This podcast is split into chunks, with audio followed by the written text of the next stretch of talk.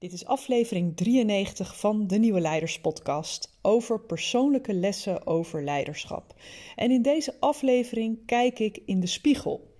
Want vaak vertel ik in de Nieuwe Leiders Podcast over situaties bij organisaties die ik begeleid, bij, uh, bij professionals die ik begeleid.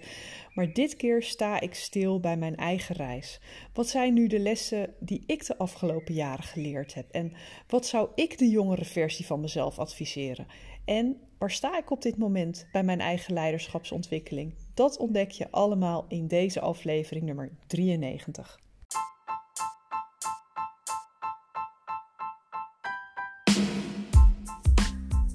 Nieuwe tijden vragen om nieuw leiderschap. Mijn naam is Petra Kuipers en vanaf deze plek neem ik je mee op onderzoek naar hoe we nieuwe vormen van leiderschap kunnen ontwikkelen in organisaties, in teams en niet in de laatste plaats bij onszelf.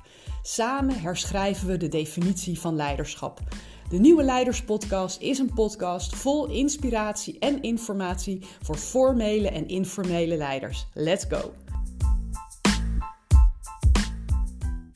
Het is best lastig om terug te halen wat nu het moment was dat ik over mezelf begon te denken als iemand in een leiderschapsrol. Want als je kijkt naar mijn cv, nou ja, dan is die ten eerste gênant lang. Niet omdat ik overal steeds ontslagen word, maar omdat ik, nou ja, eigenlijk de onhandige eigenschap heb dat ik elke twee jaar me begin te vervelen in de functie die ik vervulde. En dus ook elke twee jaar uit totale lamlendige verveling weer begon te solliciteren op andere functies. Nou, dan krijg je een, een cv die ongeveer de lengte heeft van een bescheiden, uh, van een bescheiden behangrol. En um, daar staan hele verschillende rollen op. Het heeft allemaal wel steeds te maken gehad met werken met mensen en met strategie, als ik het even heel globaal mag verwoorden. Ik ben ooit begonnen bij de sociale dienst in Den Haag als bijstandsconsulent, heette dat toen. Dus uh, bijstandsuitkeringen verstrekken. En dat was voor mij een hele mooie binnenkomer in die zin op de arbeidsmarkt, omdat ik, ja, weet je, um, uh, dat was halverwege de jaren 90, tweede helft jaren 90. De arbeidsmarkt was ongelooflijk slecht. En als dat de situatie is, dan is er op één plek heel veel kans om te beginnen als starter. En dat is in het verstrekken van uitkeringen. Want er waren heel veel mensen die een uitkering nodig hadden in die tijd. Nou, ik had de keuze of ik aan de ene kant van de balie uh, zou gaan zitten of aan de andere kant van de balie. Niet veel mensen hebben die keuze. Ik had gelukkig die keuze wel. Dus ik koos ervoor om uh, aan de kant van de uitkeringen verstrekken te gaan zitten. En dat heb ik eigenlijk maar heel kort gedaan. Omdat ik een soort van intern gerecruit werd om meer de juridische kant. Ik ben van huis uit ben ik jurist. Ik zal maar uit de kast komen. ik doe daar erg weinig meer mee. Het was ook niet de meest handige keus, behalve omdat ik nog steeds een heel sterk rechtvaardigheidsgevoel heb. Maar goed, ik werd toen gerecruit en heb intern eerst allerlei juridische functies vervuld voordat ik een stap maakte richting projectleider, beleidsadviseur, programmamanagement. En ik denk dat het rond die tijd was dat ik uh, wat vaker over mezelf begon te denken als um, iemand die een leiderschapsrol had. En dat zat hem voor mij in het feit dat ik vanuit die, die, die, um, die ja, de, de, de verantwoordelijkheden die in die functies hoorden, had ik mensen mee te krijgen in beweging. Ik moest dingen voor elkaar krijgen met andere mensen. En ik had helemaal geen hiërarchische rol. Maar ik had een rol waarbij ik, als het ware, mijn directe naaste collega's uh, uh, in beweging moest zien te krijgen. En ja, als je geen formele leidinggevende bent, dan vraagt het, denk ik, juist heel veel van je leiderschap om uh, daar effectief in te zijn. Want dat gaat over alles uit jouw gereedschapskist zien te halen om te motiveren, om plooien glad te strijken, om te spiegelen, te confronteren soms, uh, uh, te verklaren, te overreden. Kortom, je hebt alle knoppen nodig die er maar uh, op, jou, op jouw dashboard zitten om het voor elkaar te krijgen dat mensen ook daadwerkelijk meegaan in het gedrag uh, wat er nodig is. En daar komt mijn eerste les die ik met je wil delen om de hoek. Voor mij was dat het inzicht dat leiderschap geen functietitel is. Het zit niet in een functieomschrijving. Leiderschap is een rolopvatting. Als ik nu om me heen kijk, en ik, ik zie dat bijvoorbeeld ook bij mijn eigen kinderen die, die jong volwassen zijn, dan merk ik dat het vaak gaat om een bepaalde verantwoordelijkheid voelen, een bepaalde gedrevenheid voelen om ehm, ergens voor te gaan. En als je die hebt, dan ehm, zet je alles in werking zonder drammerig te worden, maar juist vanuit een soort congruentie, hè, waar je in gelooft, waar je voor wil staan. Dat beleid je met, je met je woord, met je daden, met je acties, met je hele zijn. En voor mij is dat leiderschap. Het gaat dus over dat innerlijke kompas en dat volgen en continu ook. Uh, nou ja, gevolg geven met, met wat je in de wereld zet. Maar het gaat ook over het Ehm, niet proberen te verdoezelen waar je minder goed in bent.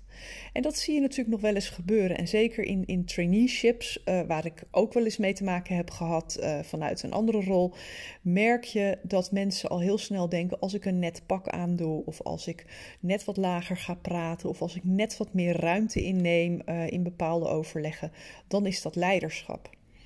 En laat ik het zo zeggen, ik denk dat het in sommige rollen handig is, hè? Uh, maar het is zeker niet noodzakelijk. En dat zou betekenen dat uh, het bijna een optelsom is van een pak ruimte en een lage stem, wat je een leider maakt. En niets is minder waar. Het gaat over het belichamen waar je kracht in zit, maar ook volop erkennen: dit zijn de dingen, daar kan je beter iemand anders voor hebben. Want stel dat leiderschap alleen maar zo zou kunnen zijn, uh, effectief zou kunnen zijn door de mensen die echt die, die rol oppakken, die hem echt uh, op die manier in de wereld zetten, die, die, die jas aantrekken en het gaan doen als het ware, dan zou dat betekenen dat introverten geen goede leiders kunnen zijn. En ik heb heel veel voorbeelden, uh, zowel in mijn eigen leidinggevende van, van vroeger als uh, in de mensen die ik nu begeleid, dat juist ook introverte mensen hele krachtige leiders kunnen zijn. Alleen is hun stijl anders. Ze luisteren meer, ze stellen andere diagnoses omdat ze eerst de informatie ophalen en pas dan een oordeel vellen. Dus zij zullen wat minder kort op de bal zitten misschien en wat minder uh, op het podium willen stappen en wat minder als sociale dieren in het midden gaan zitten van waar het allemaal gebeurt. Ik chargeer, hè, dat, dat besef ik. Maar um, voor leiderschap maakt het niet uit of je introvert of extrovert bent, of je heel opvallend bent, alle blikken in de kamer meteen naar jou gaan, of dat je misschien eerst even wat kat uit de boom kijkerig um, uh, probeert weg te gaan, in de weg te vallen in de omgeving en, en, en je daarna pas kenbaar maakt. Het gaat erom dat je helemaal oont, belichaamt waar jouw kracht zit en dat je op geen enkele manier onder de mat probeert te vegen waar je wat minder goed in is. Dus dat is mijn eerste les die ik heb geleerd als het gaat over leiderschap en die ik met je wil delen. Leiderschap is geen functietitel, het is een rolopvatting.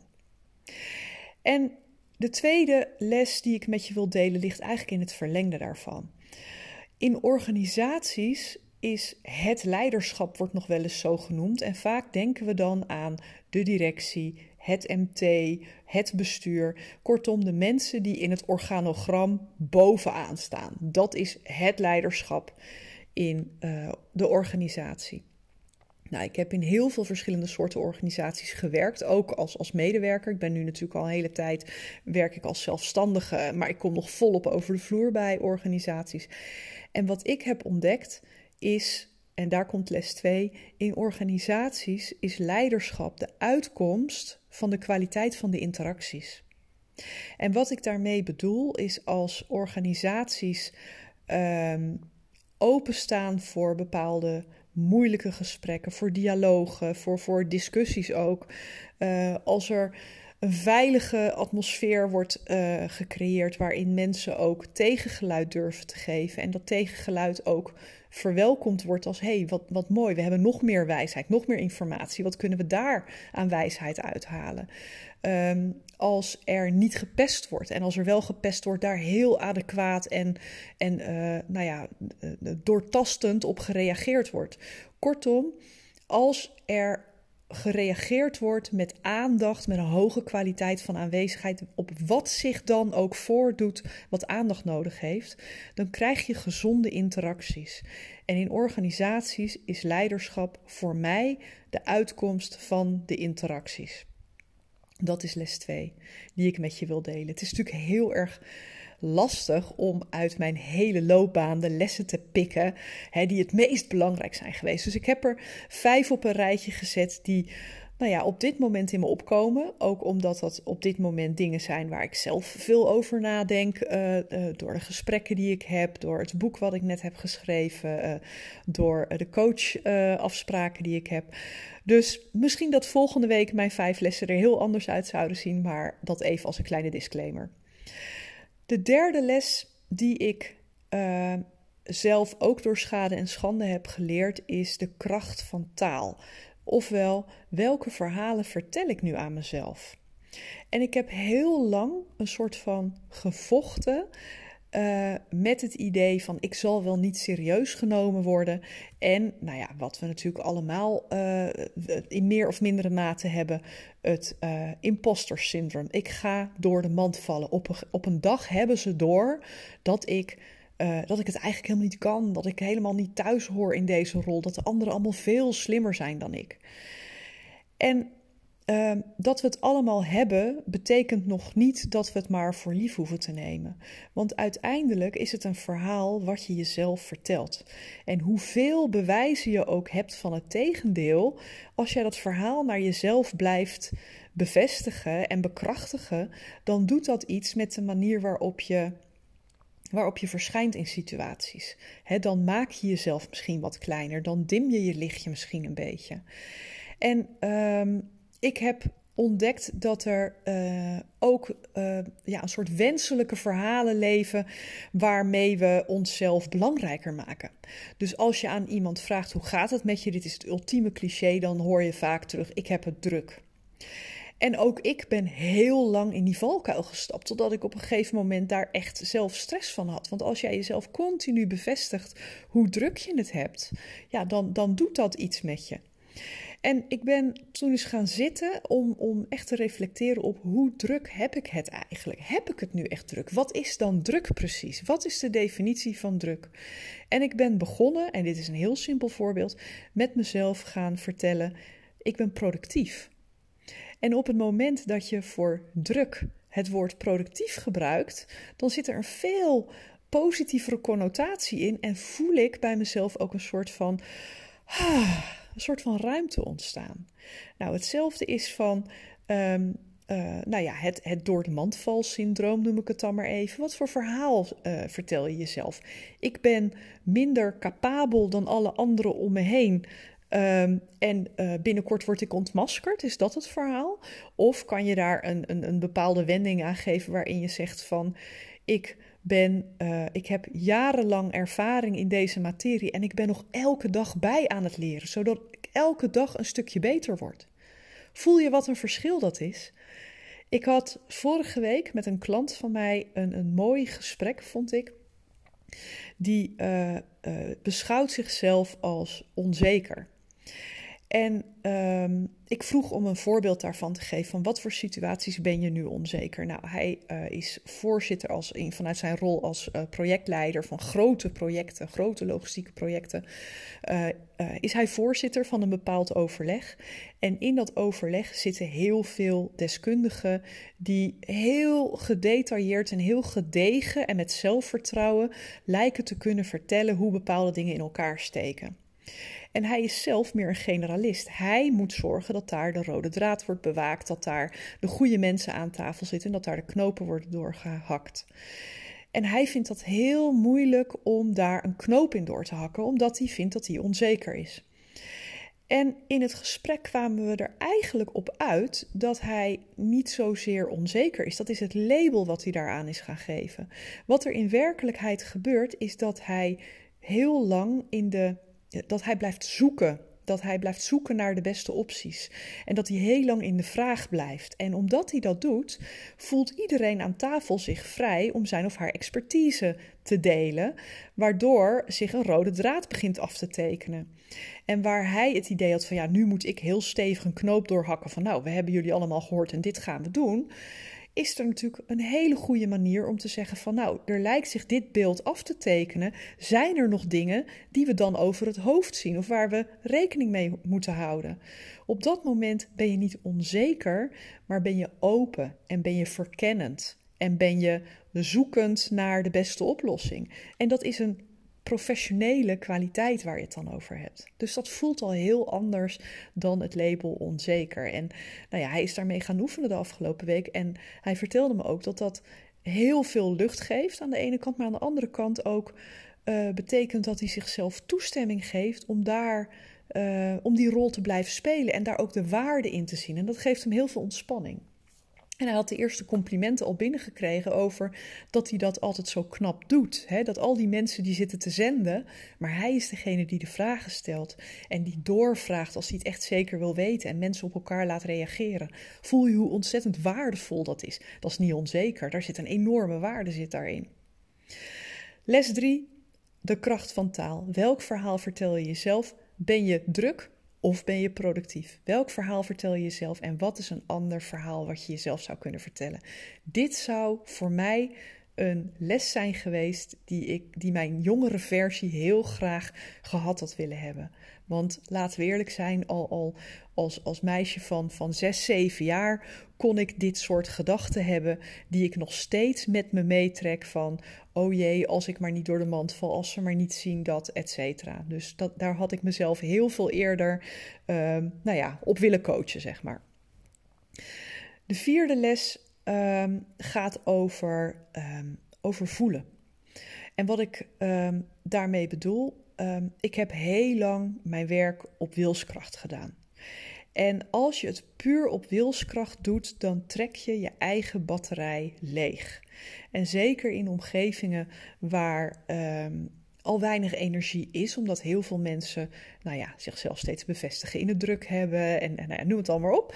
Uh, en het waarschijnlijk ook gewoon echt af en toe heel druk hebben. Maar um, daar voelde ik me heel verantwoordelijk om het werk toch gedaan te krijgen. En ik stelde me op als een um, energieleverancier.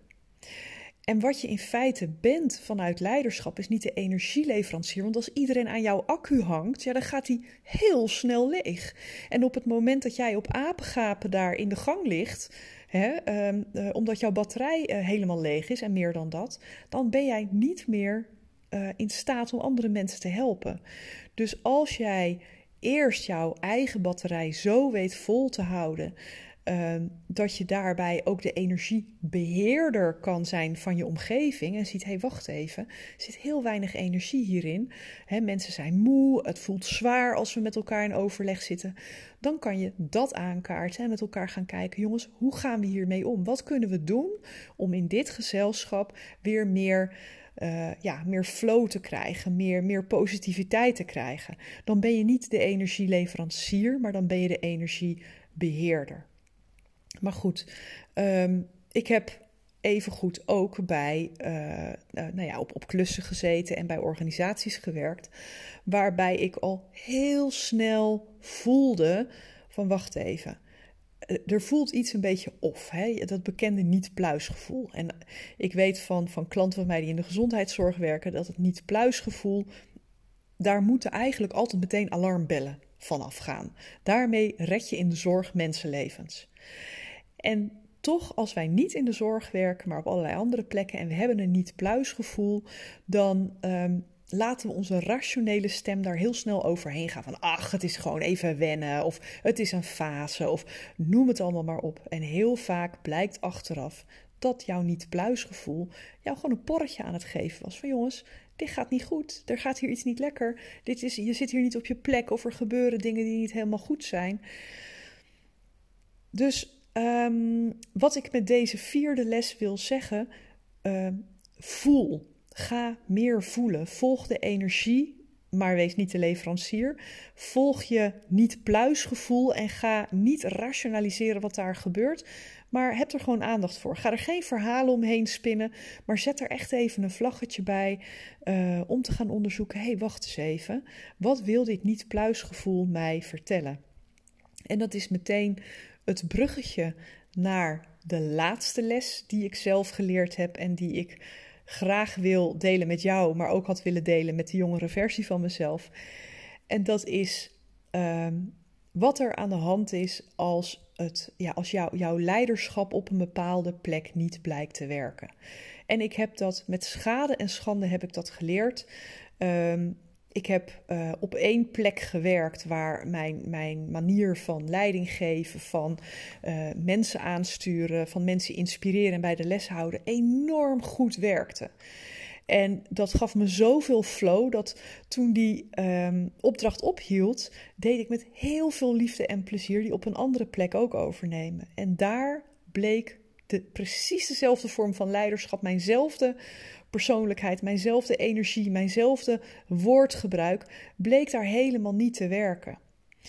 En um, ik heb daar ontzettend last van gehad. Ik merkte dat ik daar heel veel spanning van opbouwde en dat ik ook mezelf geweld aan ging doen om hele andere manieren uit te gaan proberen. Om echt een rol te gaan spelen waarvan ik dacht: oh, deze is hier misschien handiger. Alleen een rol die helemaal niet bij mij paste, waardoor ik merkte dat ik, uh, nou ja, en niet congruent was en daardoor ook helemaal niet effectief. Want mensen hebben daar een enorm zesde zintuig voor als jij dingen, dingen doet en zegt die, ja, die je eigenlijk ja, niet passen bij wie je bent, zeg maar. Dus ze lopen op een gegeven moment een bocht om je heen, omdat ze, uh, nou ja, ook wel voelen van, wacht eens even, daar, daar gebeurt iets raars. Um, en toen ik daar echt op leeg dreigde te lopen, toen heb ik daar goed op mogen reflecteren en ook met mijn eigen coach over gesproken. En op een gegeven moment kwam bij mij het hele heldere inzicht: het ligt niet aan mij, het ligt ook niet aan de plek. Dat is ook een verhaal wat ik uh, mezelf had verteld. Het is een hele ingewikkelde organisatie en nou ja, noem het allemaal op. Het lag niet aan mij, het lag niet aan de plek, het lag aan een mismatch. Wat ik te brengen heb en wat de organisatie in deze fase nodig had aan leiderschap, dat was geen goede match. Wij viben op een verschillend niveau. En ik had met de beste wil van de wereld, had ik daar heel weinig aan kunnen veranderen. Hoe graag ik het ook had gewild en hoe pijnlijk dit ook was voor mijn ego. Want laten we wel wezen, dat is vaak uh, wat het is, hè, een ego-dingetje. Je hebt het gevoel dat je mislukt en dat, uh, nou ja, dat het nooit meer goed komt. dat niemand je ooit meer gaat vragen voor een opdracht, omdat, ja, weet je, dit is zo'n mislukking. Je bent, uh, nou ja, je bent afgeschreven. Dat is een beetje het, het idee. Nou, dat is niet waar. Op het moment dat je kan gaan zien van hé, hey, wacht eens even, daar was een mismatch van dit is wat ik te brengen heb en dit is wat deze omgeving nodig heeft, dan kan daar op een hele professionele en volwassen manier ook over in gesprek gaan en je diagnose geven van wat er wel nodig is aan leiderschap. En op die plek waar ik toen uh, nou ja, mislukt was, tussen aanhalingstekens, was het heel hard nodig dat er iemand was die heel veel structuur, heel veel, een beetje ja, meer staccato uh, opdrachten gaf. En niet iemand die continu wil kijken van oké jongens, laten we met elkaar eens gaan verkennen hoe we dit het slimst kunnen doen en hoe we het leuker kunnen maken. Mensen wilden gewoon opdrachten. Die wilden niet continu gevraagd worden om ergens over mee te denken. En om, daar, daar in die fase waren ze niet. Het waren mensen die heel veel behoefte hadden aan duidelijkheid. En ik ben niet de leider die heel erg ehm, eh, nou ja, stevig is, zeg maar, in het afbakenen van dit is jouw taak en dat is jouw taak en zit niet in elkaars vaarwater. Dat is niet mijn stijl. En die mensen zijn er wel en die zijn er heel goed in. En omdat zij dat authentieke leiderschap hebben, komen zij helemaal tot hun recht daar. Dus gelukkig hebben ze ook zo iemand gevonden die vervolgens die interim klus van mij heeft overgenomen en dat tot een heel goed einde heeft gebracht. Dus dat is mijn vijfde les. Mislukking van jouw leiderschap ligt niet aan de kwaliteit van jouw leiderschap. Het ligt ook niet aan de kwaliteit van de organisatie. Het ligt vaak aan de mismatch. Wat jij kan brengen en wat de organisatie nodig heeft, dat ligt niet altijd in één lijn. Nou, dat waren mijn vijf lessen over leiderschap. Ik hoop dat dit waardevol voor je is geweest. Als dat zo is, stuur me een mailtje. Altijd leuk om iets van je te horen. En tot slot wil ik je heel graag uitnodigen voor iets nieuws. Ik geef in de loop van juni, om precies te zijn van 20 tot en met 22 juni, een gratis online training over natuurlijk leiderschap. En het is een gloednieuwe training. Drie keer een uurtje. We beginnen de dag ochtends met een inspirerende praktische masterclass. Waarin ik je natuurlijk ook volop uh, uitnodig om mee te denken, mee te uh, discussiëren. En om zelf ook te gaan kijken van hey, hoe kan ik dat vertalen naar mijn omgeving. Allemaal in het kader van mijn boek Navigeren in de Mist. Die doet het zo ongelooflijk goed dat die deze week volledig was uitverkocht. Alle exemplaren waren allemaal uitverkocht. Dus het zag er even naar uit dat ze niet meer leverbaar waren. Maar gelukkig, op het moment dat je dit luistert, is er weer een grote voorraad ingevlogen. En of je het nu bij uh, je lokale boekhandel of bij Managementboek bestelt, ze zijn weer beschikbaar. Dus had je hem willen bestellen, Doe dat dan alsjeblieft, want uh, hoe meer mensen zich hiermee bezig gaan houden, hoe meer nieuwe leiders er komen. En kan je daarbij een extra steuntje in de rug gebruiken? Geef je op voor de training Natuurlijk Leiderschap. De link staat in de show notes van deze aflevering, maar je kan hem ook vinden op mijn website deimplementatiedokter.nl en dan forward slash training streepje natuurlijk streepje leiderschap. Heel erg leuk als je erbij bent. En natuurlijk hartstikke leuk als je een reactie geeft op deze podcast en wat jouw belangrijkste lessen zijn geweest uit deze aflevering. Of misschien van je eigen leiderschap. Misschien is dit het moment om zelf eens in de spiegel te gaan kijken. Wat zou jij de jongere versie van jezelf willen adviseren? Ik zie je graag weer bij de volgende aflevering. Dankjewel voor het luisteren naar de Nieuwe Leiders Podcast. Was deze aflevering waardevol voor je? Door hem te delen of een recensie achter te laten, help je nog veel meer mensen om de Nieuwe Leiders Podcast te vinden. En vergeet niet de podcast te volgen zodat je niets meer mist. Ik tref je graag bij de volgende aflevering.